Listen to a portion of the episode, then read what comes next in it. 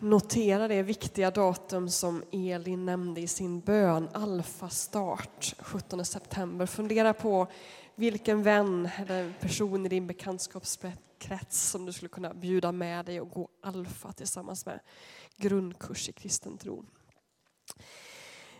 Nu är temat på gudstjänsterna bestulen på och tyvärr var det någon som snodde min hälsa här i veckan jag har legat i en rejäl förkylning. Och tyvärr så låter det inte bättre än så här så jag hoppas att ni står ut med min heshet. Eh, en annan sån här viktigt datum, 7 september, så är det ju församlingsdag på Liljeholmens folkhögskola. Och det är några enstaka platser kvar på den. Så har du missat detta och vill anmäla dig så får du prata med mig på kyrk, vid kyrkkaffet, sen har tåget gått. Eh, så haka tag i mig om du vill följa med på församlingsdagen. Frimodighet är dagens tema. Bestulen på frimodighet. Och I förberedelserna så har jag funderat på, är det någon utanför kyrkan som använder det ordet längre? Frimodighet. Eh, lyssnar ni på det här programmet Språket i P1? Ett radioprogram som tar upp såna här lyssnarfrågor om, om språk, om ord och hur man säger saker. Jag avstår gärna från att lyssna på det programmet för jag klarar inte riktigt av när folk ringer in i radio. Det är inte, jag blir så nervös av det. Eh, men ibland så, så brukar jag höra på det här ibland ändå. Eh, när man sitter i bilen eller så. Och nu i veckan så gick jag in på deras hemsida och då stod det att deras liksom första program för säsongen hade handlat om utdöende ord. Just, utdöende ord. Och då hade man bland annat tagit upp det här ordet tillbringare. De menar att det, det är på väg ut, det säger inte folk längre. Utan man använder ord som karaff eller kanna. Och då kan jag säga till dig som är lite så konservativt lagd och tycker det var bättre förr och, och sörjer för det här ordet tillbringar, så kan jag säga att karaff är ett mycket äldre ord. så det är faktiskt historien som segrar. Om man kollar ett bibellexikon eh, så, så märker man att ordet frimodighet det används i, i två typer av bibelord. Eh, det ena handlar om, om frimodighet inför Gud. Eh, och det handlar om frimodighet inför människor. Och då faktiskt bara i situationer när man ska dela vittnesbördet om Jesus. Då dyker det ordet frimodighet upp i våra svenska biblar. Så tack vare den frälsning som vi får genom Jesus så kan vi ha frimodighet inför den helige guden och behöver inte vara rädda. Och tack vare den kraft som anden kan ge så kan vi med mod eh, berätta om Jesus. Det är vad de här bibelorden handlar om. Och som jag sa förut så, så är det här ordet, i alla fall vad jag verkar ha snappat upp lite på utdöende, det är bara kyrkfolk som använder det ordet. Frimodighet. Ni får rätta mig sen på kyrkkaffet om jag har fel, men, men det är vad jag har liksom snappat upp.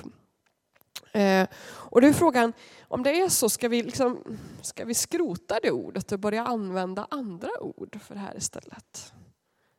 Frimodighet.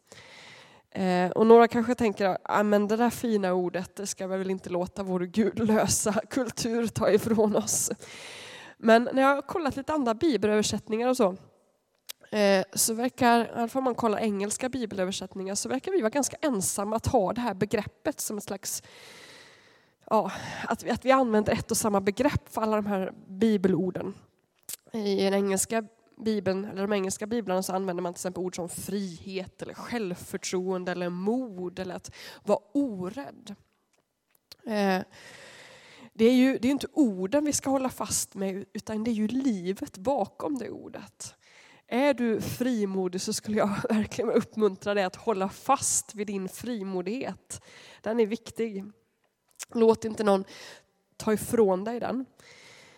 Men den här predikan är inte är främst riktad till dig som är frimodig, utan den här predikan är riktad till dig som har blivit bestulen på din frimodighet. Och då inte ordet frimodighet, utan liksom livet bakom det ordet.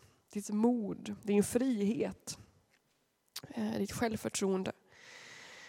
Den här predikan är också riktad till dig som kanske aldrig har ägt frimodighet. till dig är den här predikan riktad. Får ni andra tjuvlyssna. Och vi ska gå till Apostlagärningarna.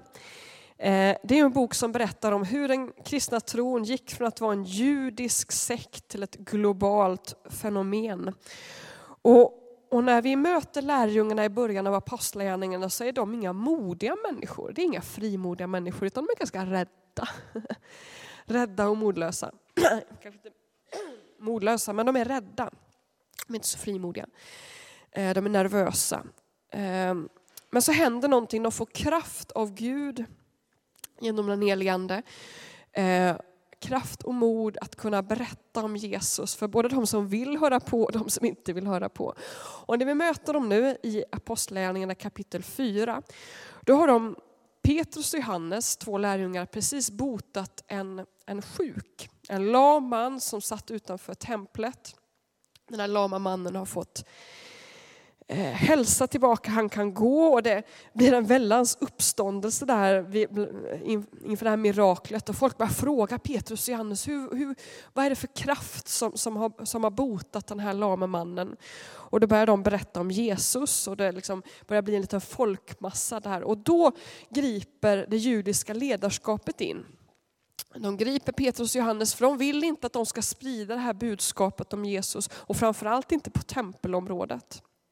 Så de blir arresterade och så får de sova över i fängelset under natten och så blir det ett förhör. Och Petrus och Johannes försvarar sig under det här förhöret och de berättar liksom vad som, som ligger bakom. Där och där får ni läsa själva eh, när ni kommer hem med Apostlagärningarna 4. Men så här står det efter att de har liksom berättat eh, eh, i det här förhöret. Så, säger, så står det om de judiska ledarna. När de såg hur frimodiga Petrus och Johannes var och märkte att båda var enkla och olärda män förvånade de sig. Alltså de är förvånade över hur de som är olärda, enkla män vågar liksom käfta emot de här judiska teologerna. Eh, de förvånar sig över deras frimodighet.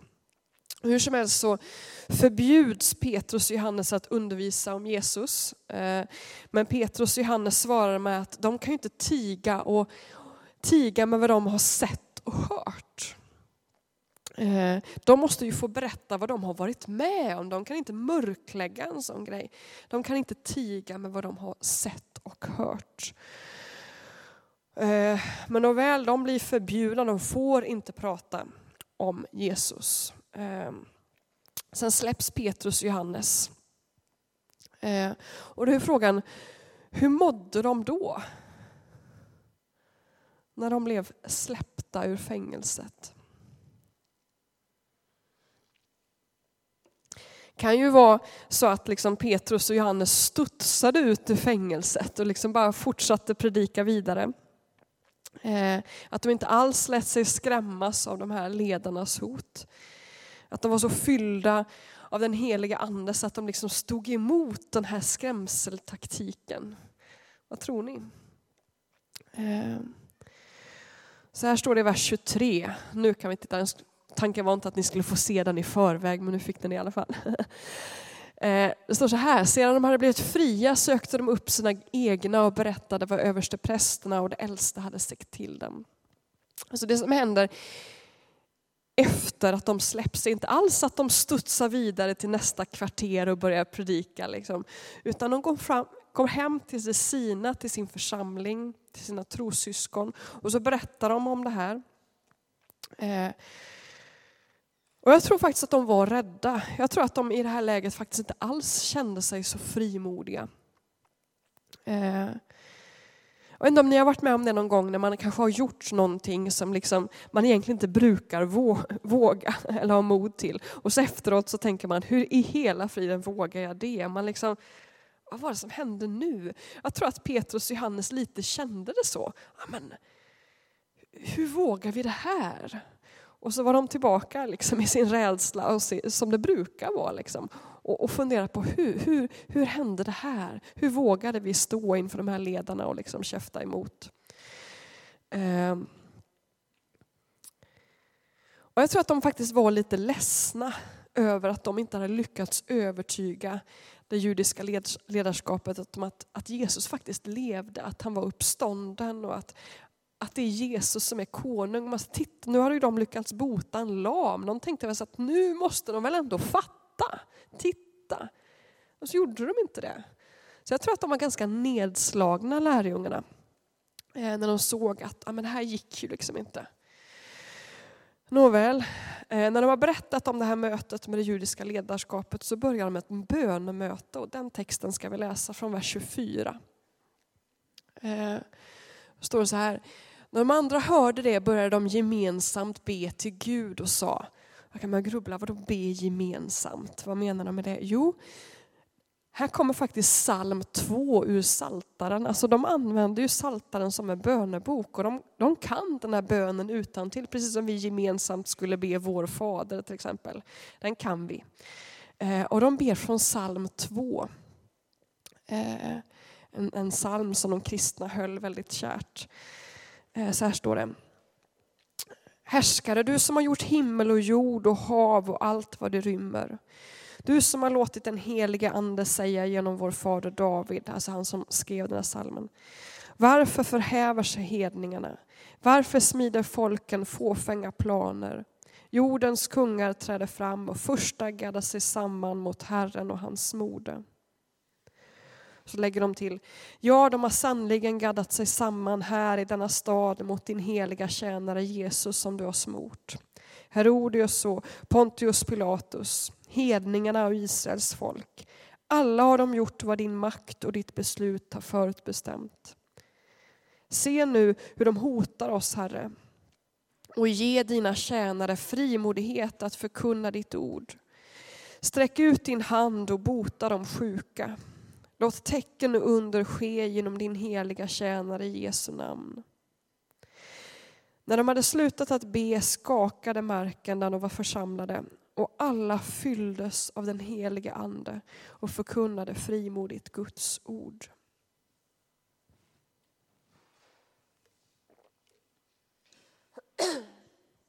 Alltså I den här bönen så sätter de ord på vad som gör dem rädda. De säger inte nej men det här var inte så farligt, vi kör på ändå.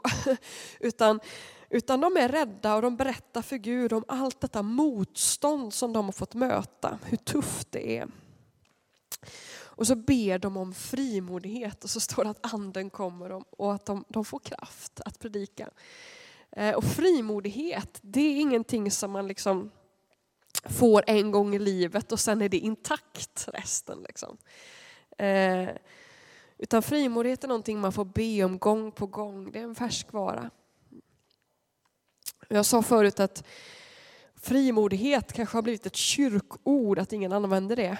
Eh, och att i de engelska biblarna så finns det lite andra begrepp. Eh, man talar bland annat om mod eller självförtroende. Och så här står det om självförtroende på Wikipedia, ni vet det fantastiska lexikonet på internet som alla hämtar sin kunskap nu ifrån. Självförtroende, så här står det, är individens tilltro till sin förmåga att prestera. Det kan röra sig om arbete, skola eller sociala sammanhang. Självförtroende kan variera från dag till dag och det kan höjas genom bekräftelse utifrån eller tillfälligt höjas under exempel alkoholpåverkan. Självförtroende kan snabbt tränas upp. Så stod det om självförtroende på Wikipedia. Som barn var jag var jag väldigt blyg. Det kanske ni har lite svårt att tro. Jag har alltid tyckt om att redovisa i skolan. Det tyckte jag om. För att då fick man, liksom ett, man fick liksom sina tio minuter, man fick sitt ämne och alla visste att amen, man var tvingad till det och så. Och ingen avbröt och man fick träna hemma. Det, jag tyckte om det. Eh, men, men i sociala sammanhang när man liksom satt och skulle prata i stora gäng och, nej, det, det gjorde mig rädd. Ehm, eh, för då kan man ju inte öva. Man kan inte öva in vad man ska säga när man ska fika med någon eller äta middag eller så. Eh, det funkar ju inte så, utan, utan samtal kommer ju spontant. Liksom. Man bara säger det man tänker.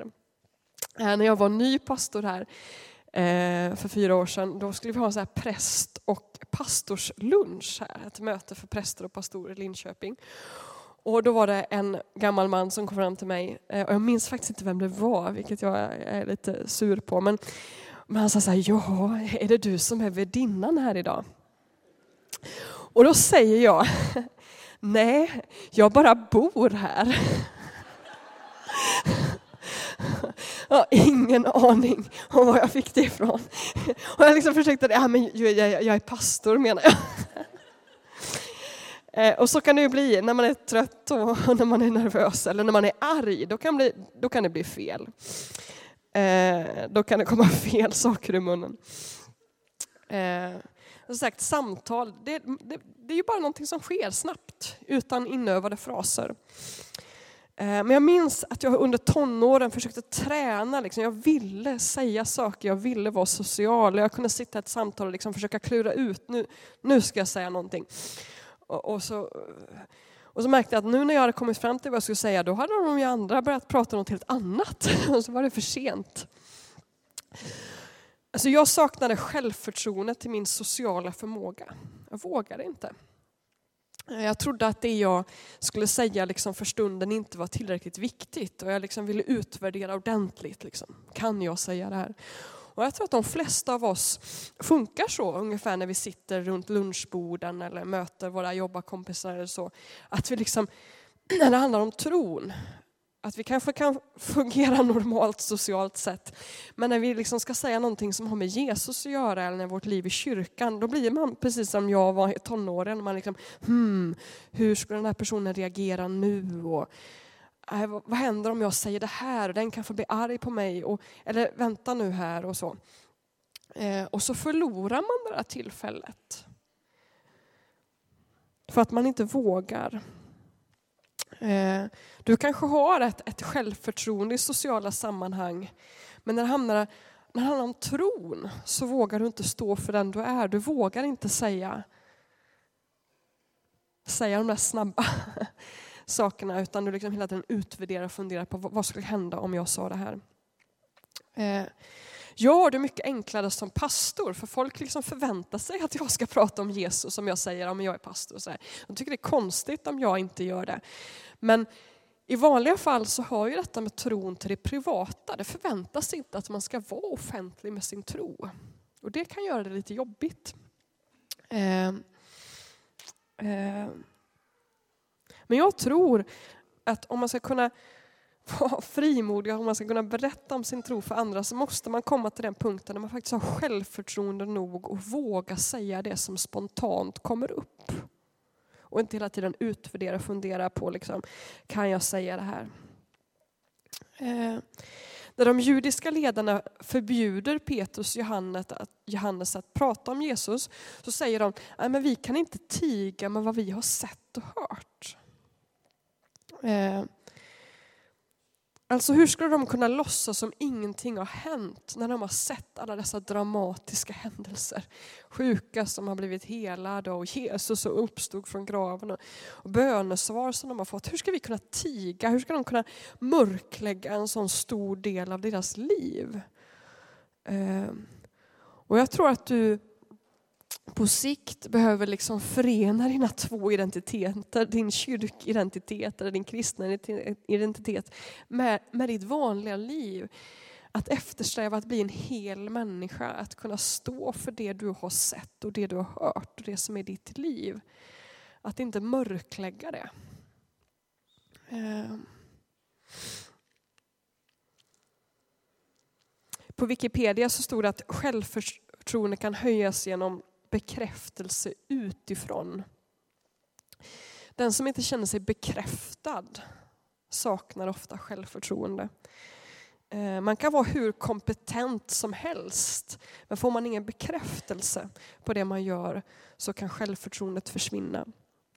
Och jag tror att vi ofta har en felaktig bild av hur folk kommer reagera, alltså bekräfta det vi säger om vi berättar någonting som har med Jesus att göra.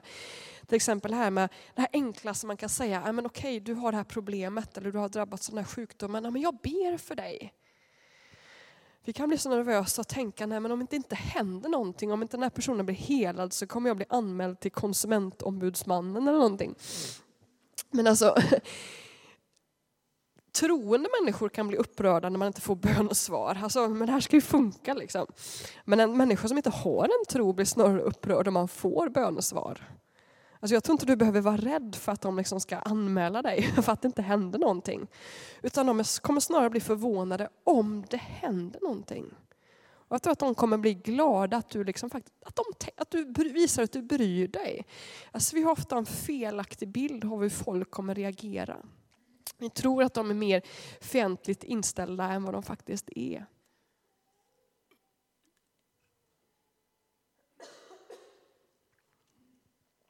Ehm.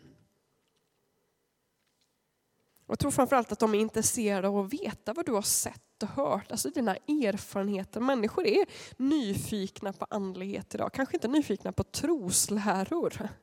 Men de är nyfikna på ditt liv, vad du gjorde i helgen.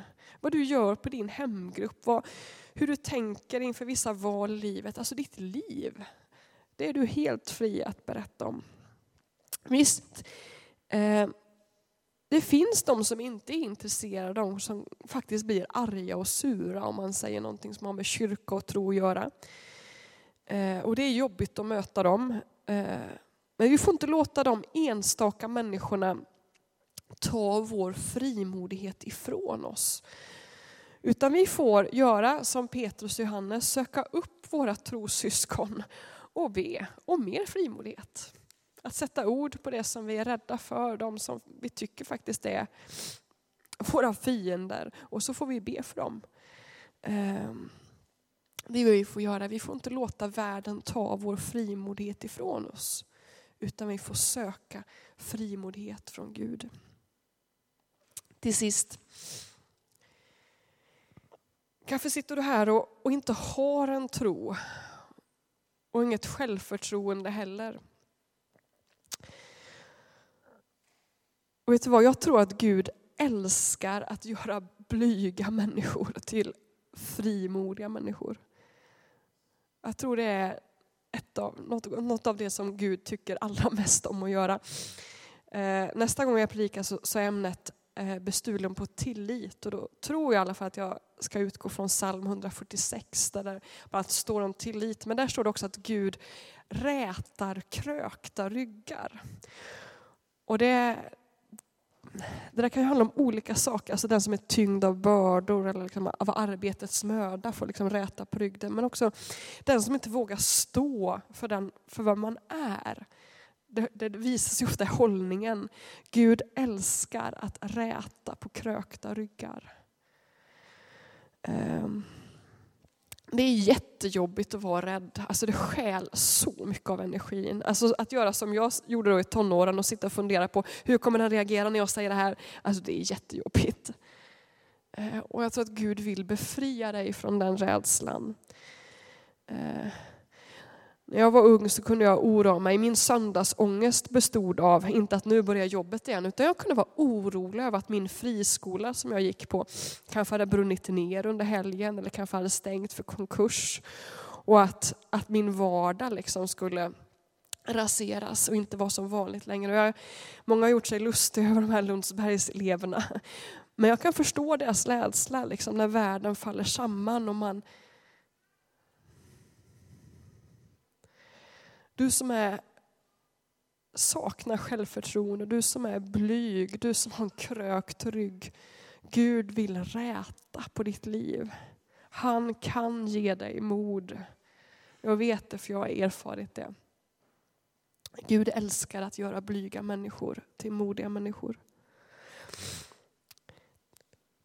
Allra sist, det stod i den här eh, Wikipedia-mening, eh, förklaringen om självförtroende, att självförtroendet för en stund kunde höjas av alkohol.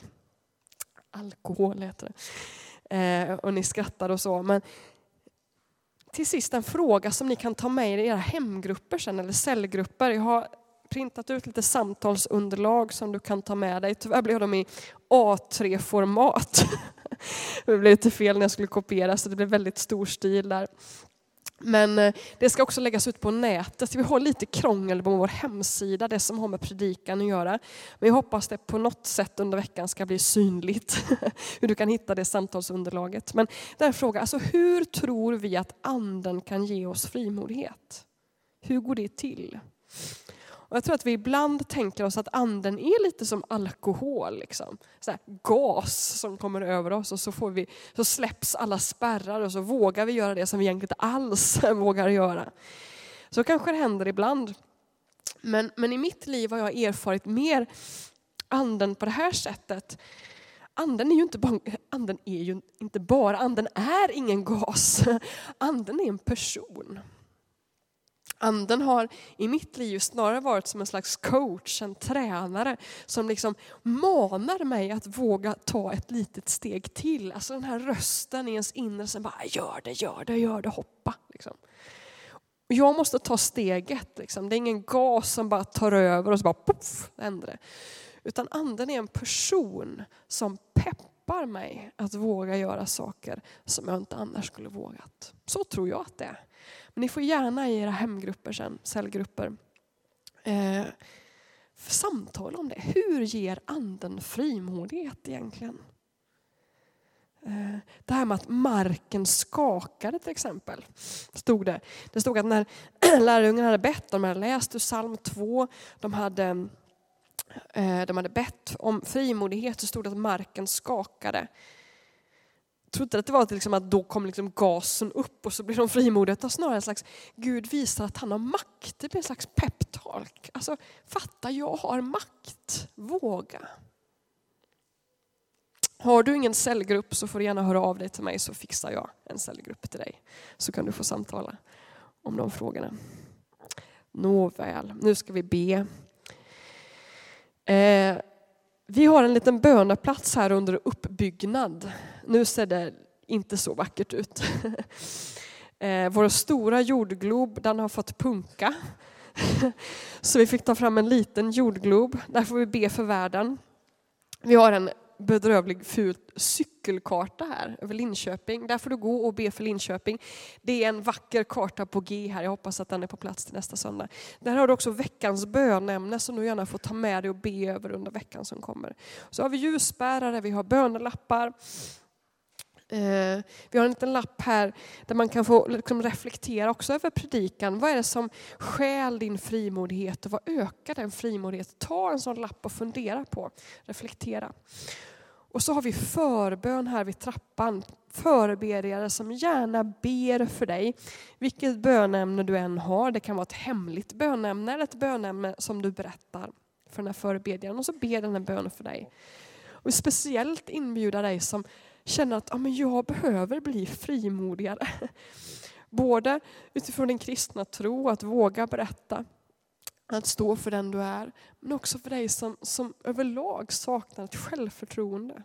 Som behöver få din rygg rätad. Sök förbön.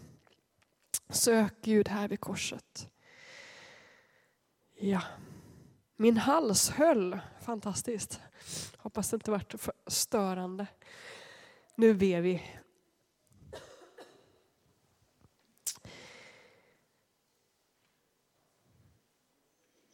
Herre, vi vill be om frimodighet idag. Vi vill be om, om mod och vilja och lust att berätta om dig. Och vi vill be för de kristna i Syrien, i, i Egypten och i hela Mellanöstern.